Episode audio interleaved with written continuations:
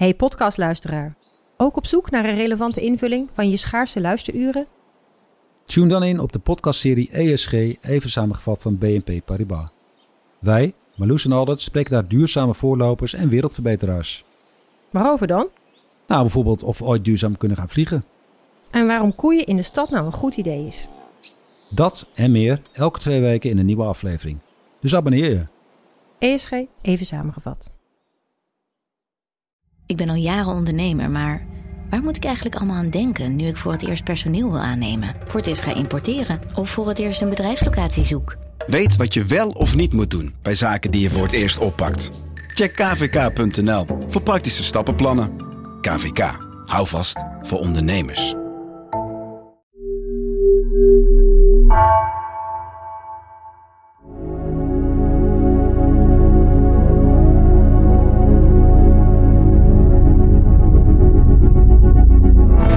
Dit is Future Affairs, de NRC-podcast die je anders doet kijken naar de toekomst. Ik ben Wouter van Noord, ik ben journalist bij NRC. En ik ben Jessica van der Schalk, filosoof en ik werk voor de Amsterdamse denktank Freedom Lab. In deze podcast proberen we een glimp op te vangen van wat er de komende jaren op ons afkomt.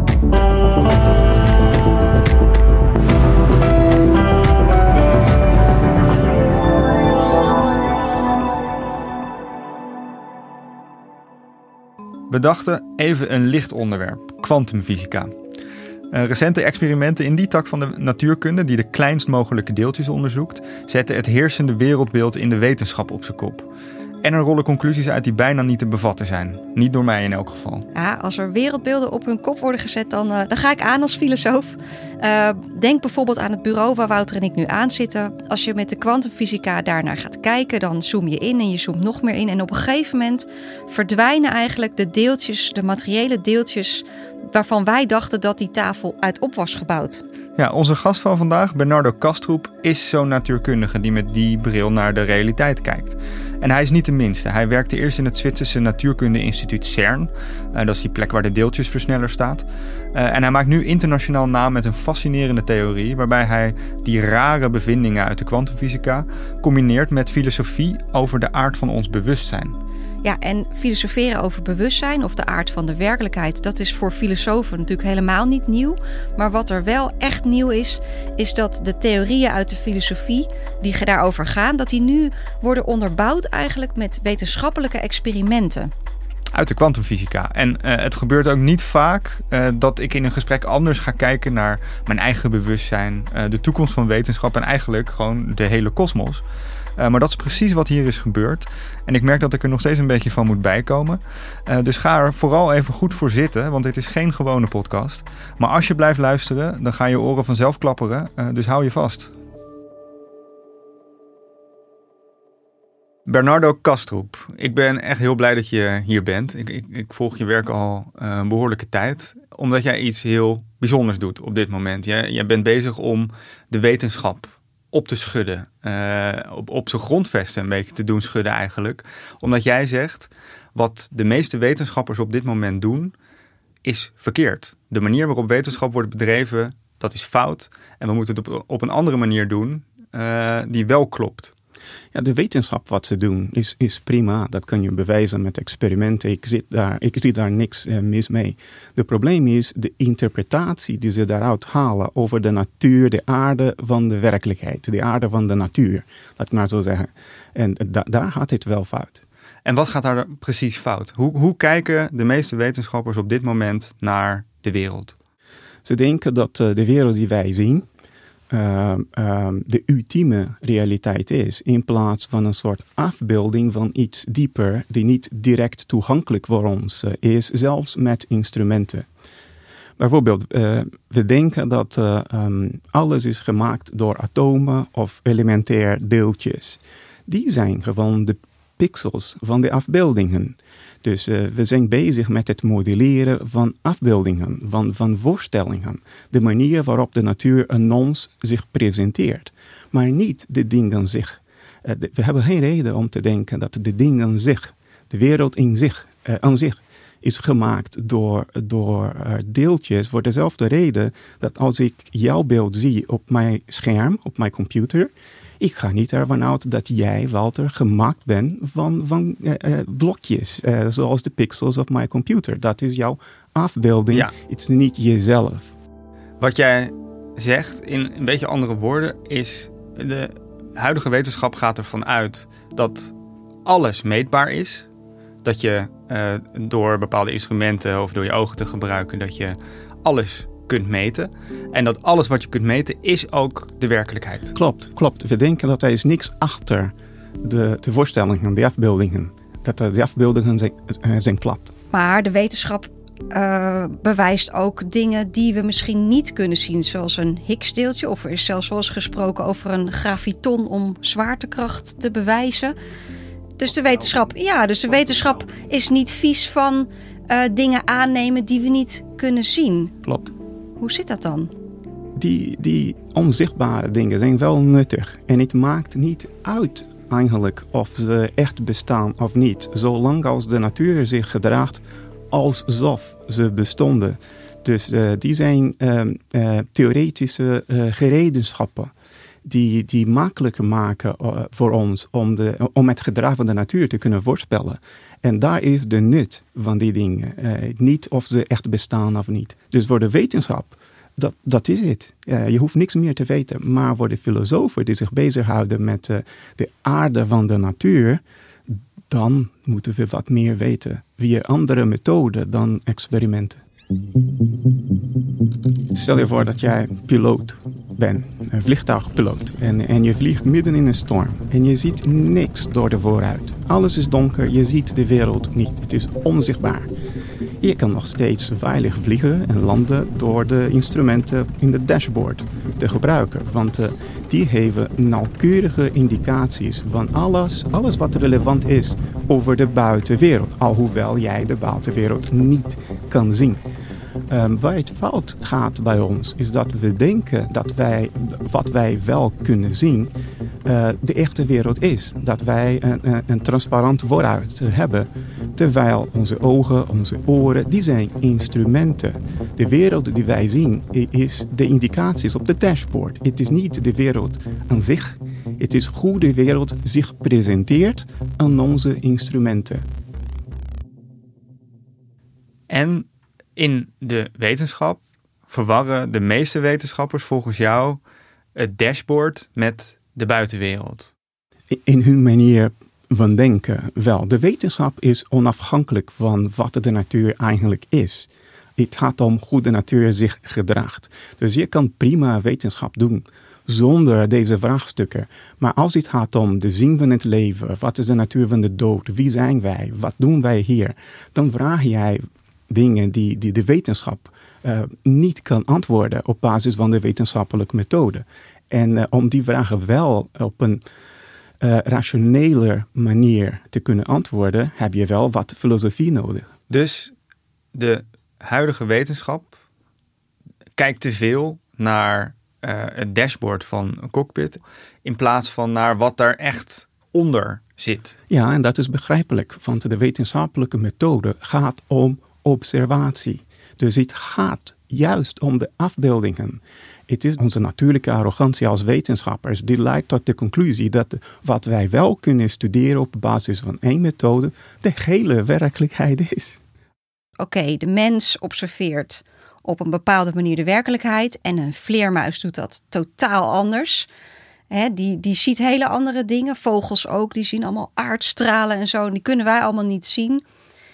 Is het, is het zo'n soort verandering van perspectief wat je bedoelt? Of bedoel je toch iets anders? Nog meer. Ik bedoel nog meer. Want kijk, je kan twee verschillende vliegtuigen hebben. En ze hebben totaal verschillende dashboards. Ze zien totaal anders uit. En toch geven ze allebei relevante indicaties over de werkelijkheid buiten. En ze zijn niet de werkelijkheid buiten. Die zijn nog steeds dashboarden. Oké, okay, dus als ik het goed begrijp, in de wetenschap gebruiken we meetapparatuur. En dat is fantastisch om voorspellingen te doen, zoals wanneer gaat het regenen of wat is nou een goed medicijn.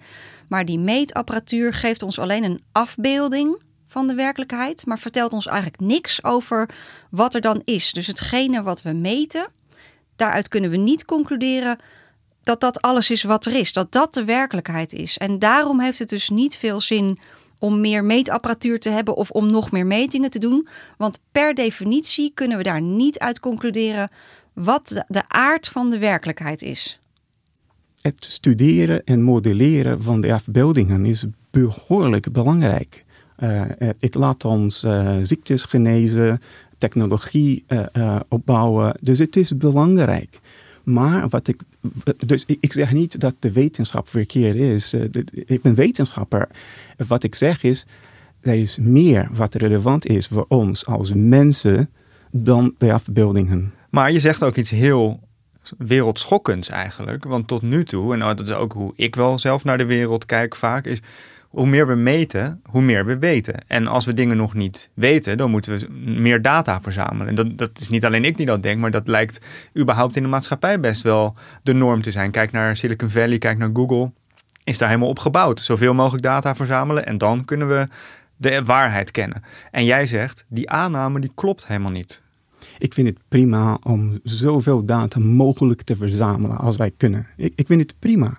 Uh, wat ik niet prima vind, is de aanname dat um, um, informatie over de afbeeldingen alles wat telt is. Het is gewoon niet. Wij zijn mensen, wij zoeken uh, zin, zingeving. Uh, en er is meer te zeggen over de natuur dan gewoon de manier waarop het zich presenteert.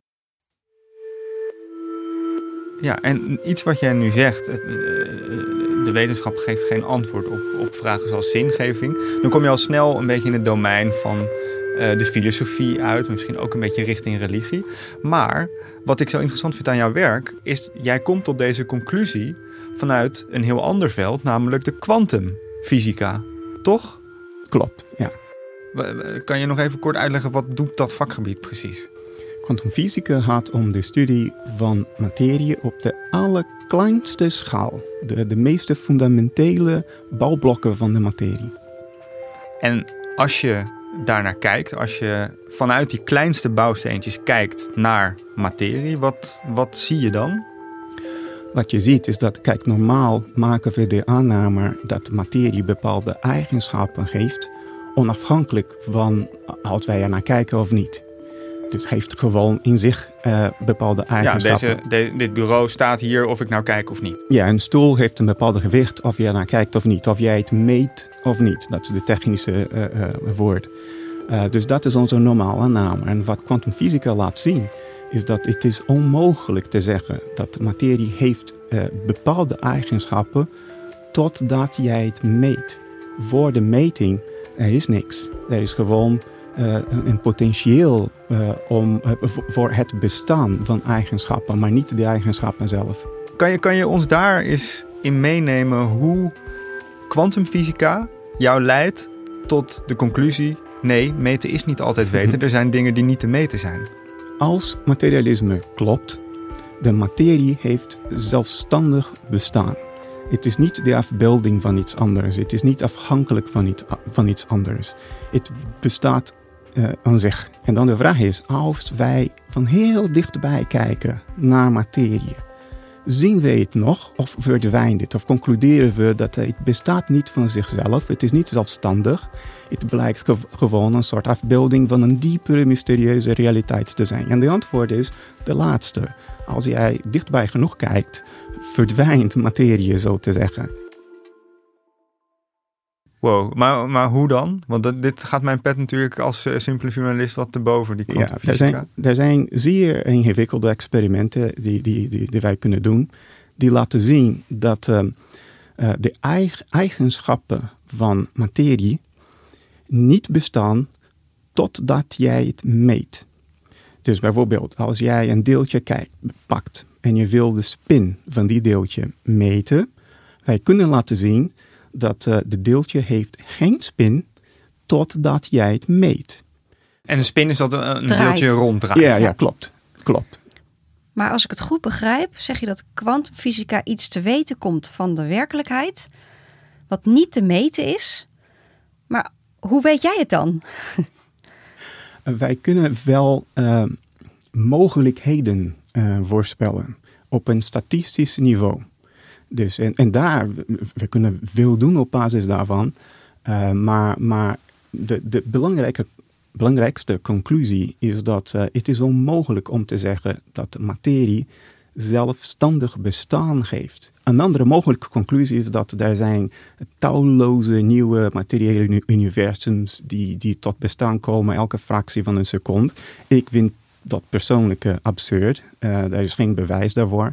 Dus uh, als jij daar niet in gelooft, dan die alternatief is om te concluderen dat ja, materie is een, pas een afbeelding van iets dieper, van een diepere realiteit, waar wij weinig van weten. En weinig van kunnen begrijpen ook. Als ik dit zo hoor, dit is kwantumfysica, is zoiets raars en zoiets wat niet past bij nou ja, hoe ik gewoon de wereld zie.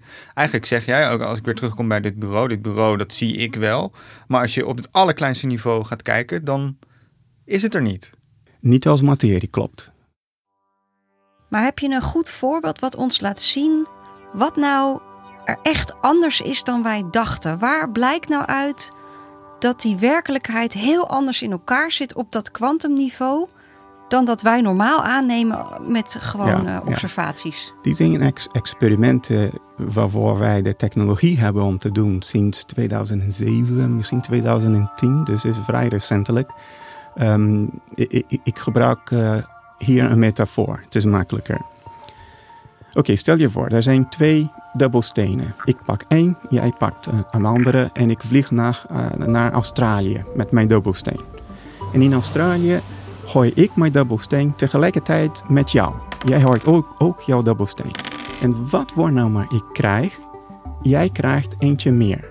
Dus als ik uh, vier gooi, je gooit vijf. Als ik één gooi, je gooit twee. En dit is wat eigenlijk gebeurt op de kwantumniveau. En het, ja, het, is, het past niet bij onze intuïtie van wat materie is. Want als twee objecten apart van elkaar zijn, kunnen ze niet elkaar beïnvloeden. Maar dat is heel raar, want uh, die dobbelstenen staan dus niet met elkaar Klopt. in een fysieke verbinding.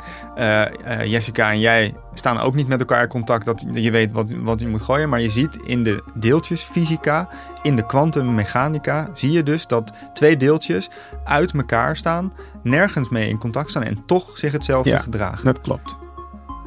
Deze experiment was in de loop van de jaren herdaan. De eerste keer was in 81 en het het werd herdaan een aantal keer. De laatste belangrijke keer in Delft in 2015. En elke keer zorgde men ervoor dat er absoluut geen communicatie was. Niet alleen tussen de wetenschappers, maar tussen de deeltjes ook. Uh, dat, dat was sowieso zeer onwaarschijnlijk. Maar om er zeker van te zijn dat de natuur zich zo gedraagt, in, in, in, inderdaad, uh, hebben ze alle loopholes uh, eruit gehaald. Dus er is absoluut geen communicatie tussen de dubbelstenen of de wetenschappers. En toch, dat is een consistent patroon.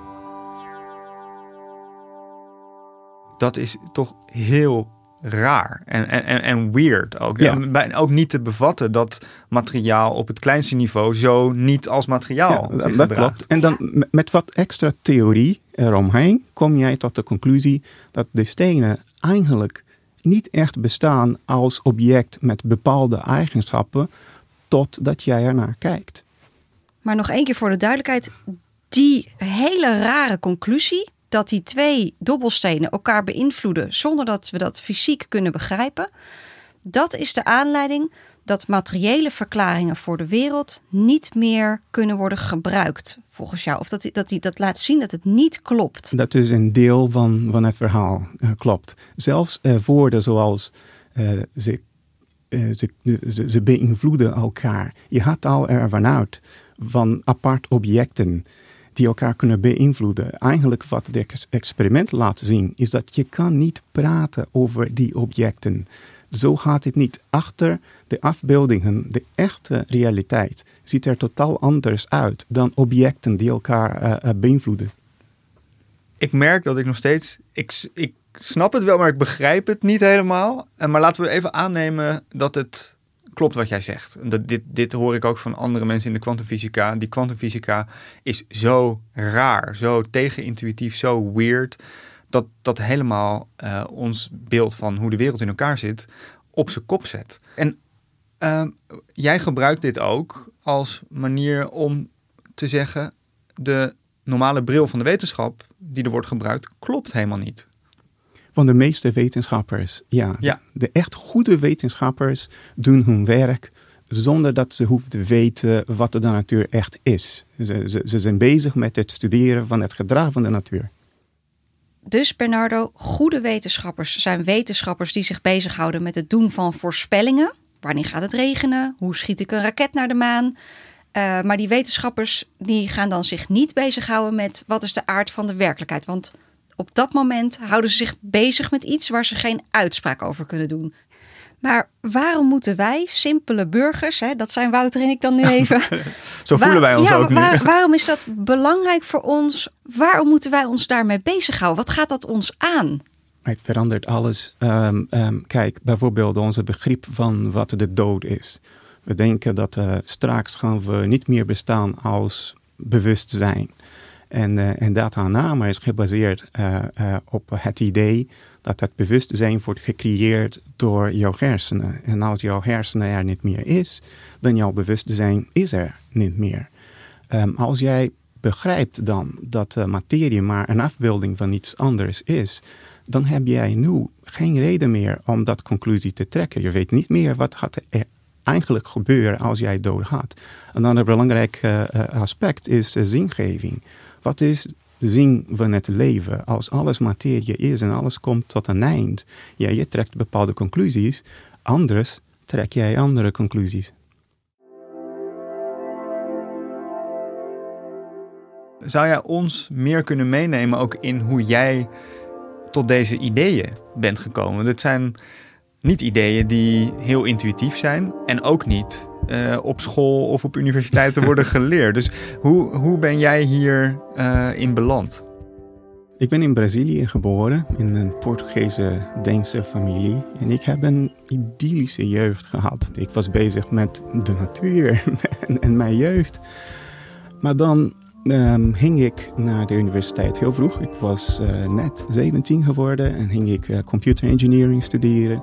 En dan beland jij in een zeer materialistische wereld. Ik heb mijn uh, studies afgemaakt in, in, in, Genève, in Zwitserland. En dan direct naar, naar ja, bij CERN gaan werken.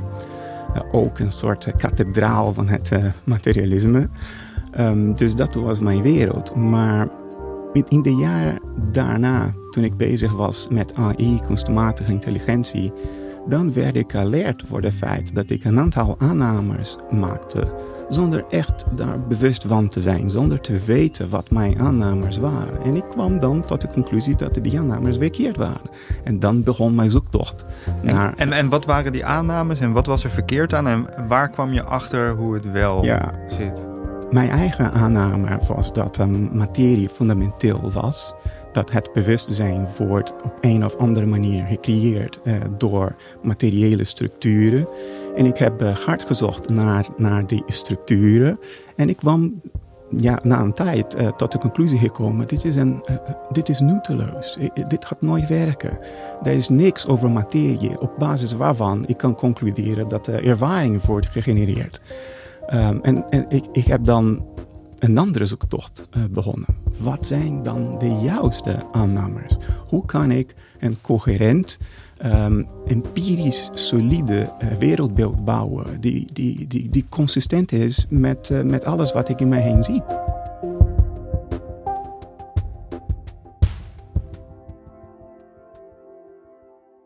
Het is nogal taaie, complexe materie, maar wat Bernardo zegt, en corrigeer me als ik het verkeerd heb.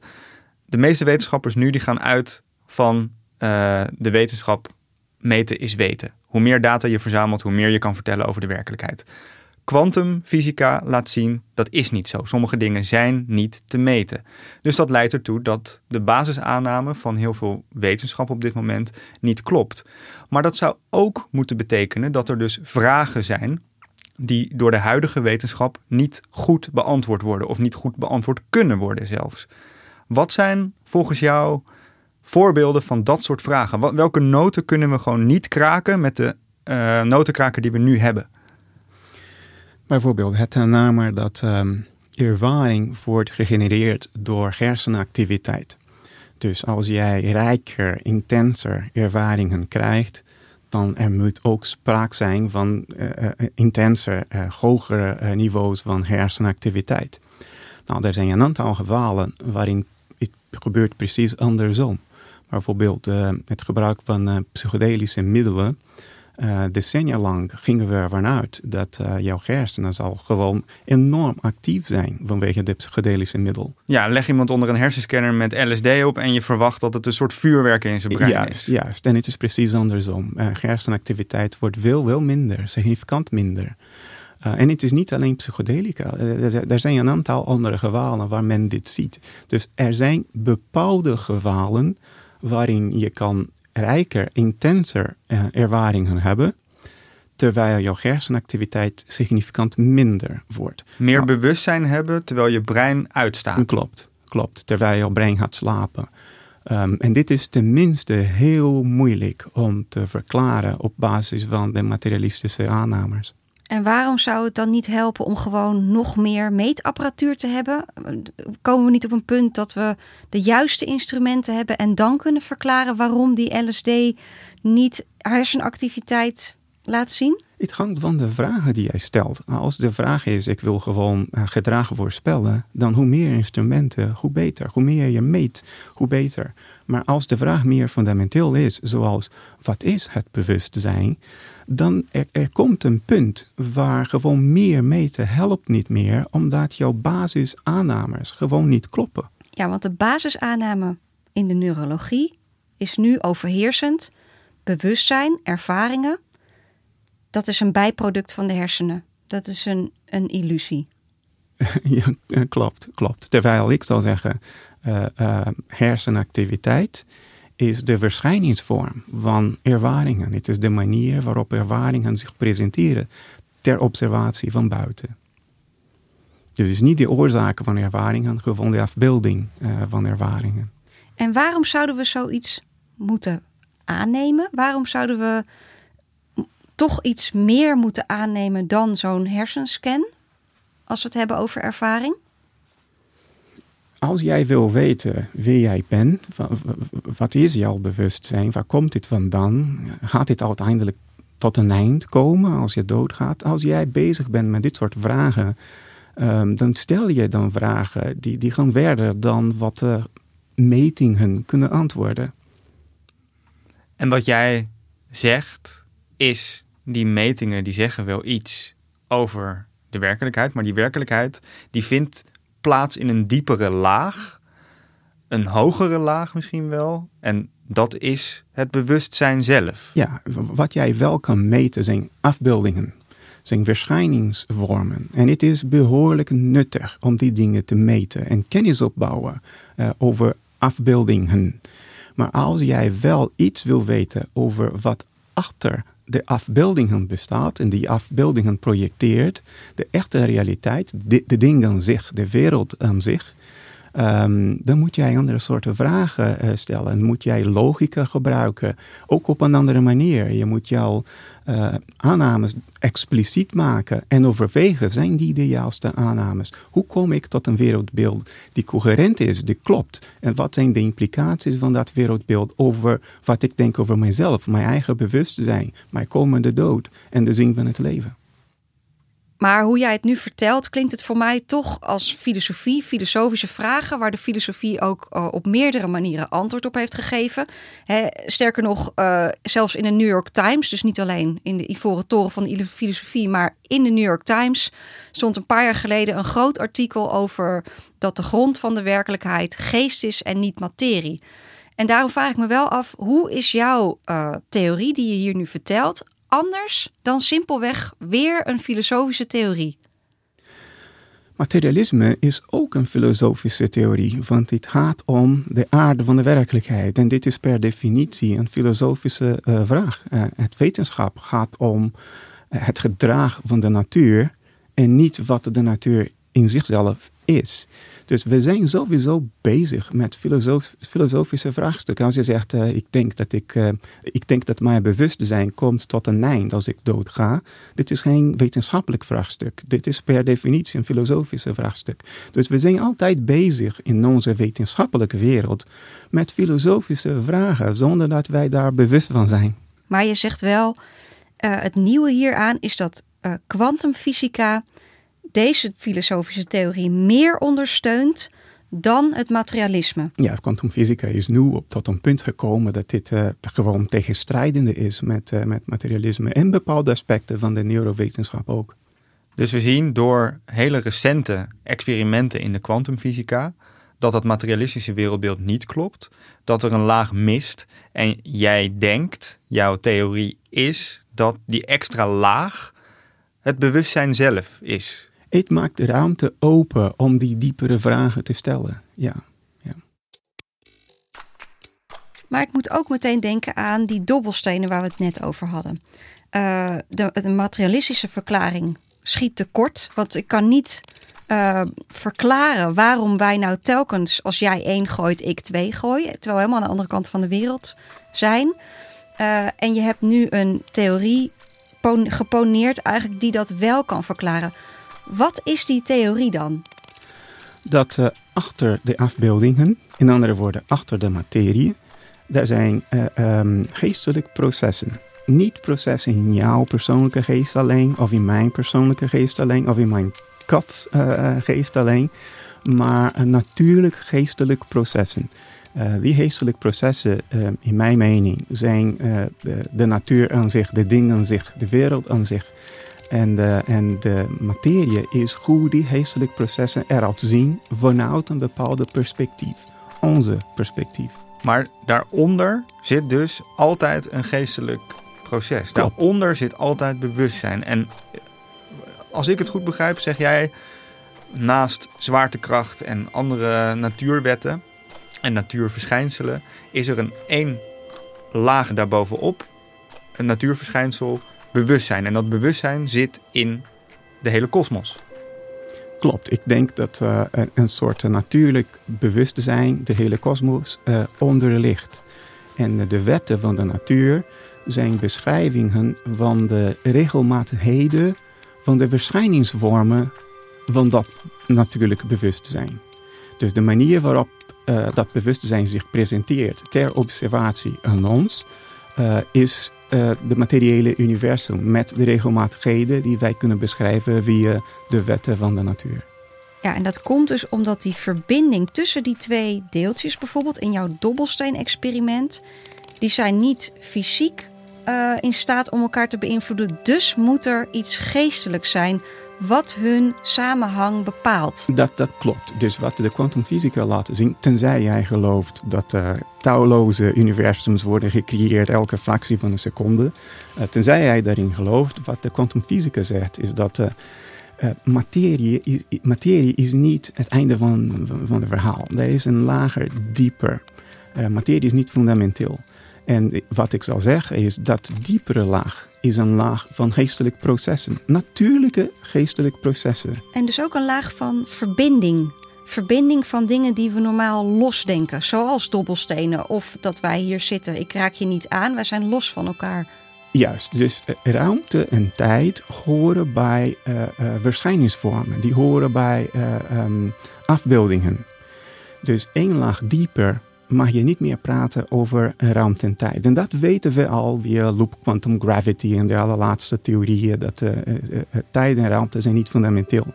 Dus als jij één laag dieper gaat, de feit dat die twee dubbelstenen in twee kanten van de wereld zijn, is, is onbelangrijk. Want um, even kijken, zo, zo kun jij het uitleggen. Stel je voor, je kijkt naar een voetbalwedstrijd vanaf thuis op jouw televisie.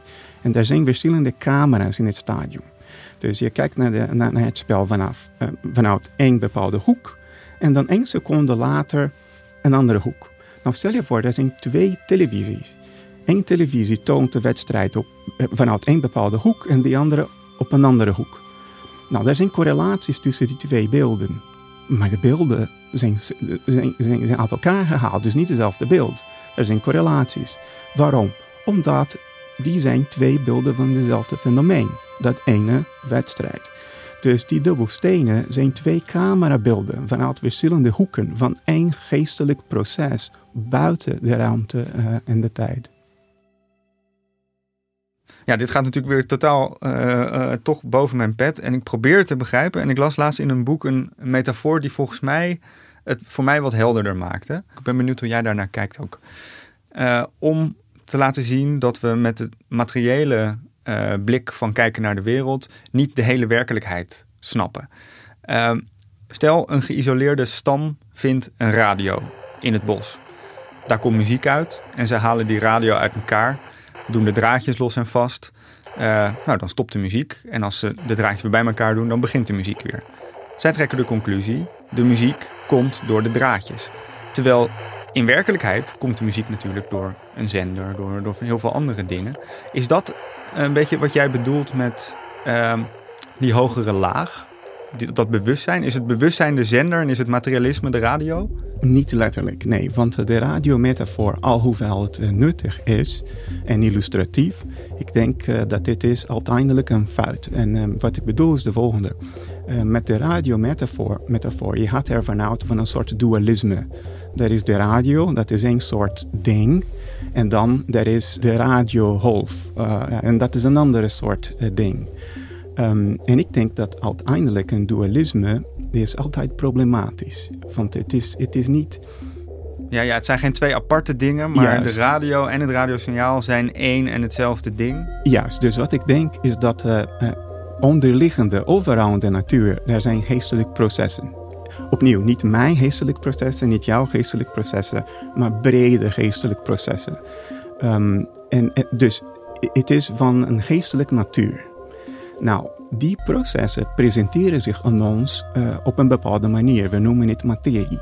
Maar dat is ook geestelijk, van onze perceptie is geestelijk. Het heeft kwaliteiten, kleur, geur, melodie. die zijn al geestelijke processen. Dus de, de, de poging hier is om alles te verklaren op basis van geestelijke processen alleen. En niet om te zeggen, oh, er is iets anders die niet geestelijk is. Als jij het moet om, om, om de, de werkelijkheid te verklaren, dan oké, mag je dat doen. Maar mijn, mijn argument is dat dat hoef je niet te doen. En als het niet hoeft, mag jij het niet doen. Alles kan verklaard worden op basis van geestelijke processen alleen.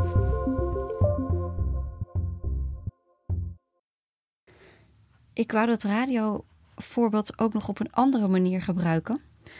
Namelijk omdat uh, als een afgelegen stam een radio vindt.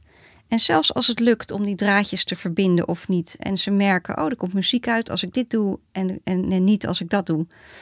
Zij hebben natuurlijk geen weet van de ontwerper van die radio en waar die voor bedoeld is. En hoe, je hem, hoe het bedoeld is dat die gebruikt wordt.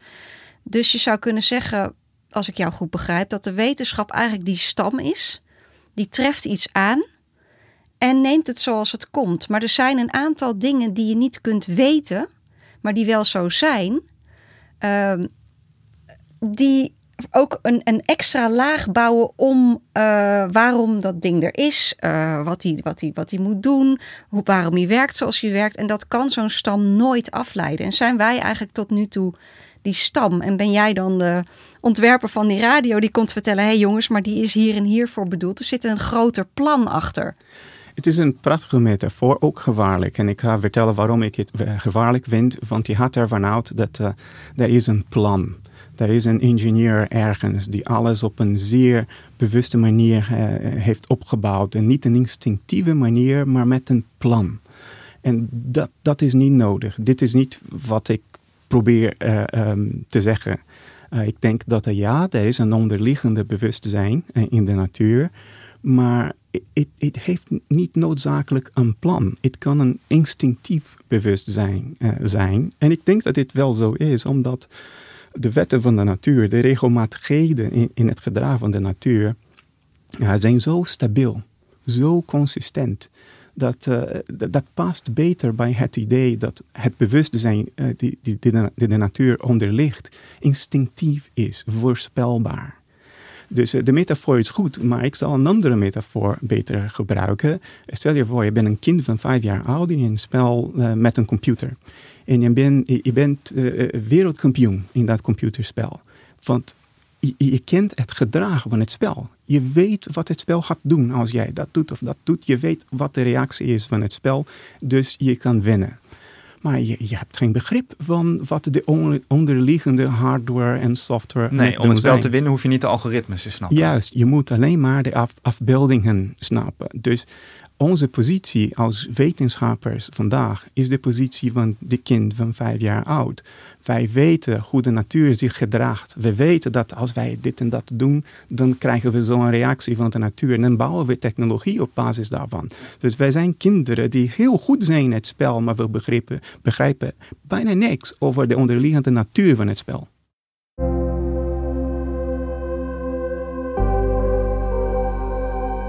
Als jij het hebt over dingen als een onderliggende geest die uh, in de hele kosmos zit, dan uh, roept dat bij mij ook meteen associaties toch op met uh, een beetje de New Age beweging, met spiritualiteit, met, met religie.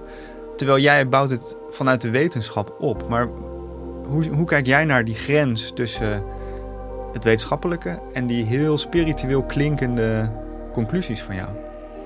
Ik heb niks tegen spiritualiteit, al, alhoewel spiritualiteit was niet mijn eigen pad. Ik ben hier beland vanwege een totaal andere redenering, uh, uh, niet op basis van introspectie.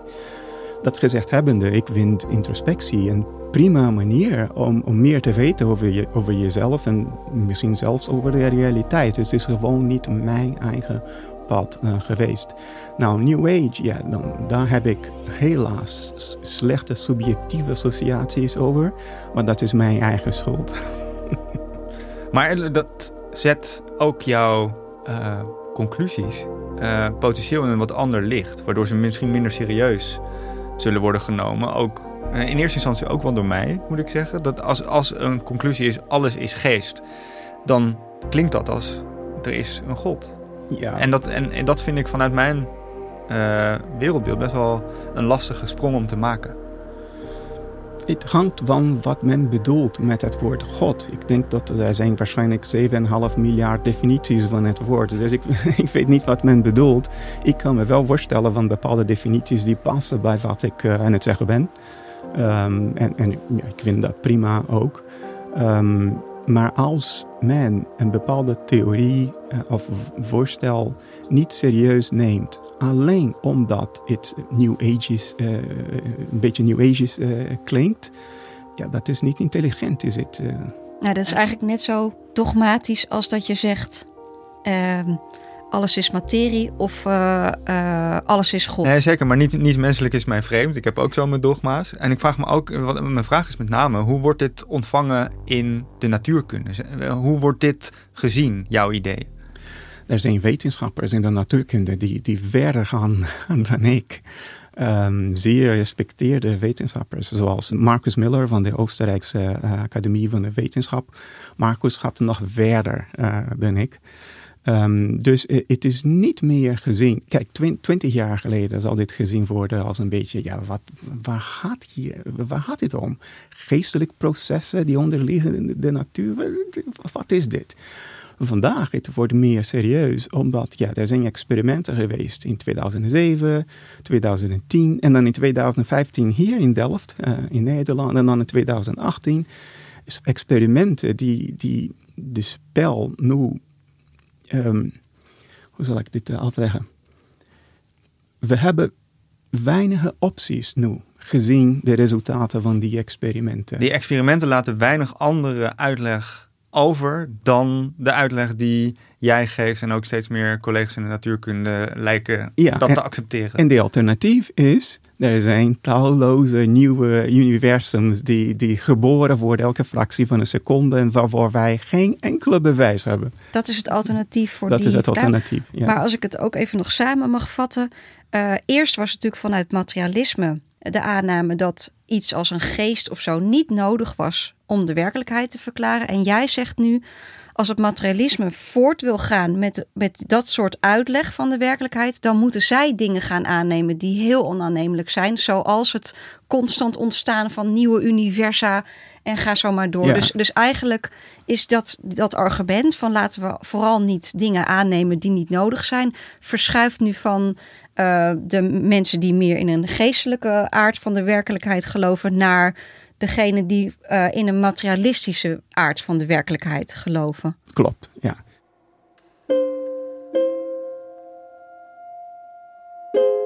Dit klinkt voor mij uh, nog steeds als een hele vreemde uh, werkelijkheid. uh, die ook nog best wel ver afstaat van hoe we nu leven en ook hoe we nu ons leven inrichten. Uh, als je deze redenering, dit wereldbeeld nou eens doortrekt in de komende jaren. Dit wordt omarmd en uh, nog meer Nobelprijswinnende natuurkundigen gaan hier onderzoek naar doen en inderdaad komen tot die conclusie die heel spiritueel klinkt. Wat verandert er dan de komende jaren in de wereld? We moeten eerst dan begrijpen wat wij vandaag de dag doen, omdat wij uh, um, materialistische aannames maken. Bijvoorbeeld, een van, van die implicaties van materialisme is dat uh, jouw bewustzijn komt tot een eind, uiteindelijk. Dus alles wat jij geleerd hebt, al jouw inzichtingen, die, die dingen die kosten heel veel om tot die inzichtingen te komen. Um, ja, die, die verdwijnen. Het is uiteindelijk allemaal voor niks. Um, maar als uh, de basis van de werkelijkheid uh, het bewustzijn is en wij zijn gewoon de uh, gedissocieerde aspecten van één natuurlijke bewustzijn, dan jij als individuele entiteit, je komt wel tot een eind, maar jouw bewustzijn niet. De ik, de onderliggende ik, al die inzichtingen, alles wat jij geleerd hebt, dit blijft, blijft als onderdeel van de natuur. Dus onze begrip van de zin van het leven kan totaal veranderen. Is dit eenzelfde soort paradigmaverschuiving als dat we bijvoorbeeld hadden toen we eerst dachten we dat we het centrum van het universum waren? Want wij zien toch gewoon als ik uh, s'nachts omhoog kijk dat alles om ons heen draait en overdag komt die zon op. En op een gegeven moment kwamen we erachter dat het niet meer de beste verklaring was voor, het, voor, voor de processen in de hemel. En dat wij om de zon heen draaien. En dat het echt niet zo is dat de zon opkomt, ondanks dat wij dat zien. Ben jij nu eigenlijk degene die zo'n soort um, theorie introduceert, die zo ja, fundamenteel andere manier van kijken naar de werkelijkheid vraagt? Voor ons in het Westen wel. Ja, voor ons ja. in het Westen. Dat ja, voor een hele deel van de wereld. Dit is alweer nieuws. Nee, dat klopt. Maar, maar zij kwamen daar niet toe door de wetenschap. Klopt. En wij wel. Klopt. Dus ook voor hun is dit wel iets nieuws, neem ik aan. Dat het op deze manier ook ondersteund wordt. Ja, ja de hele wereld nu denkt op een westerse manier. Ja. ja. Maar uh, toch de kwantumfysica, de, de natuurkunde, de deeltjesfysica, roept al langer best wel tegen intuïtieve dingen op. Die strookt al langer niet meer met hoe wij de werkelijkheid zelf zien. En dat heeft nog niet een hele grote maatschappelijke verandering gebracht tot nu toe. Jij denkt wel dat dat nu fundamenteel anders is dan? Kijk, kwantumtheorie, die, die, hebben we al op een redelijk complete manier sinds 1920. Dus jouw argument is, oké, okay, we weten al dat iets niet klopte. Ja. Uh, het probleem is dat uh, het wordt niet... De, de, de, voorspellingen van dat theorie waren niet experimenteel bewezen voor een heel lange tijd, decennia lang. Dus voor decennia gingen uh, een aantal wetenschappers in de natuurkunde ervan uit dat kwantumtheorie tenminste niet compleet was. Misschien, misschien verkeerd zelf, maar tenminste niet compleet. Einstein zei dat al in een, in een paper van uh, 1935. Einstein, Podolsky en, en Rosen. Dat kwantumtheorie was niet compleet. En het idee was, oké, op het moment dat wij deze theorie compleet maken, dan gaan we andere dingen voorspellen die wel consistent zijn met het materialisme. Men twijfelde al decennia lang bepaalde voorspellingen van kwantumtheorie die tegenstrijdende waren met materialisme. Maar sinds de laatste 15 jaar of zo hebben we wel technologie kunnen ontwikkelen om die experimenten te doen die laten zien, en ze, ze hebben wel uh, uh, laten zien, dat uh, die, die, die voorspellingen van quantum theory wel klopten. Dus tot nu toe, 100 jaar lang, was het een rare theorie. Die heel tegenstrijdig was, maar waarvan mensen dachten van nou, dat lossen we nog wel op. En dan past het weer in ons wereldbeeld. En we zien de laatste 15 jaar in die experimenten dat die theorie klopt en de aannames daarvoor niet. Klopt. En zelfs bepaalde voorspellingen van de theorie waren vrij recentelijk uh, uh, expliciet gemaakt. Er was een paper in 2003 uh, geschreven door Tony Leggett, een fysicus. Uh, en die heeft ook explicieter gemaakt wat de voorspellingen van, van kwantumtheorie zijn, die eigenlijk helemaal tegenstrijdende met materialisme uh, zijn. En die voorspellingen waren bewezen in 2010. En 2007 eigenlijk. Dus vier jaar later waren die voorspellingen uh, bewezen. Dus dit is nieuws, Walter. Dit is echt Ja. nieuws. Nou, daar ga ik natuurlijk als journalist eh, goed op, op dit nieuws. Ik, moet, ik merk wel, ik moet wel eh, stukjes van mijn brein ongeveer uit de hele kamer halen om het weer in elkaar te zetten. ik weet nog niet of ik het helemaal begrijp eh, of snap, maar ja, dit was echt, echt mind-blowing, eh, kunnen Ja, we wel zeggen. Fantastisch, ja, absoluut. Als filosoof echt te gek om met jou te praten. Heel veel dank, eh, Bernardo. Graag gedaan.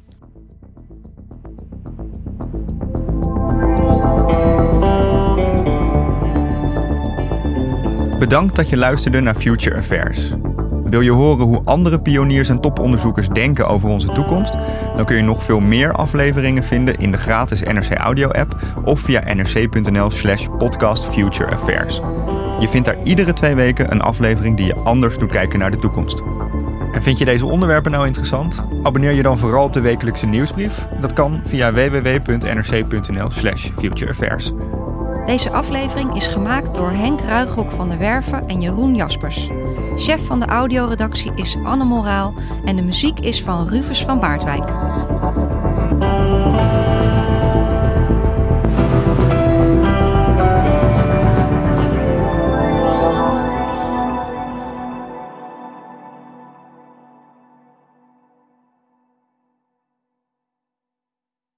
Technologie lijkt tegenwoordig het antwoord op iedere uitdaging. Bij PwC zien we dit anders. Als we de potentie van technologie willen benutten, kunnen we niet zonder een menselijk perspectief. Human-led, tech-powered noemen we dat. Ga naar pwc.nl.